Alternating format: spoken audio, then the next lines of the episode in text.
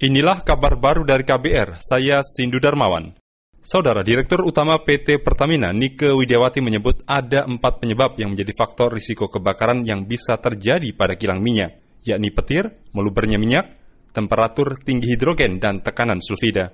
Nike menyebut, sebagai langkah awal, Pertamina bakal melakukan sejumlah perbaikan, terutama ketahanan dua lapis penangkal petir di seluruh kilang. Pertama adalah karena lightning, karena petir. Jadi yang dilengkapi, yang dibangun di semua kilang itu adalah lightning protection system. Dan ini sudah selesai dibangun, jadi lightning protectionnya kita dua lapis, baik di equipmentnya, Uh, sehingga ini uh, juga dipasang dan satu lagi ada lattice tower. Jadi nanti Pak Taufik akan detailkan. Itu sudah selesai. Nike Widiawati menambahkan Pertamina sudah merealisasikan sekitar 600 juta dolar Amerika atau setara 8,9 triliun rupiah untuk memasang fasilitas penangkal petir.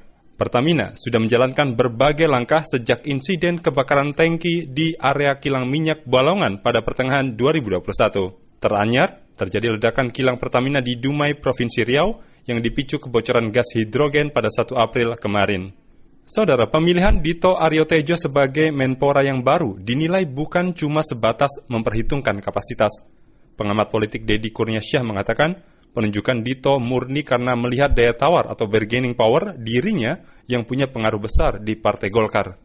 Dito punya pengalaman yang cukup besar dalam dunia olahraga karena memang kemampuan finansial, termasuk juga kemampuan politik. Jadi ini satu sisi hak prerogatif presiden menunjuk orang sebagai menpora tentu dari Golkar tidak bisa dipindah.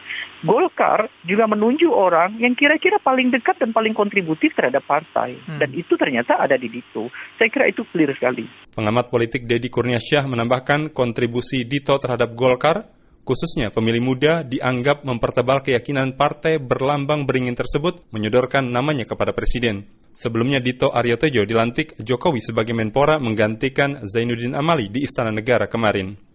Saudara, pemerintah bisa menghemat hingga puluhan miliar rupiah dari subsidi BBM jenis Pertalite pada tahun ini. Direktur Jenderal Energi Baru Kementerian SDM Dadan Kusdiana mengatakan, penghematan itu diperoleh berkat konversi kendaraan motor bensin ke listrik yang bakal dilakukan terhadap 50 ribu unit kendaraan. Beberapa manfaat antara lain untuk pemilik sepeda motor, ini dengan perhitungan angka Pertalite bulan lalu, jadi sebesar 2,77 juta per tahun per sepeda motor.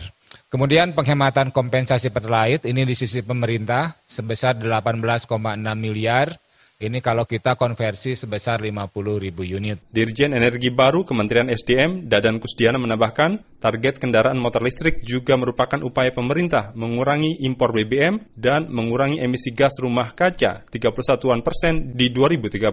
Sebelumnya, insentif kendaraan listrik diberikan untuk motor konversi dari BBM ke listrik, besarannya 7 juta per unit untuk 50 ribu unit pertama.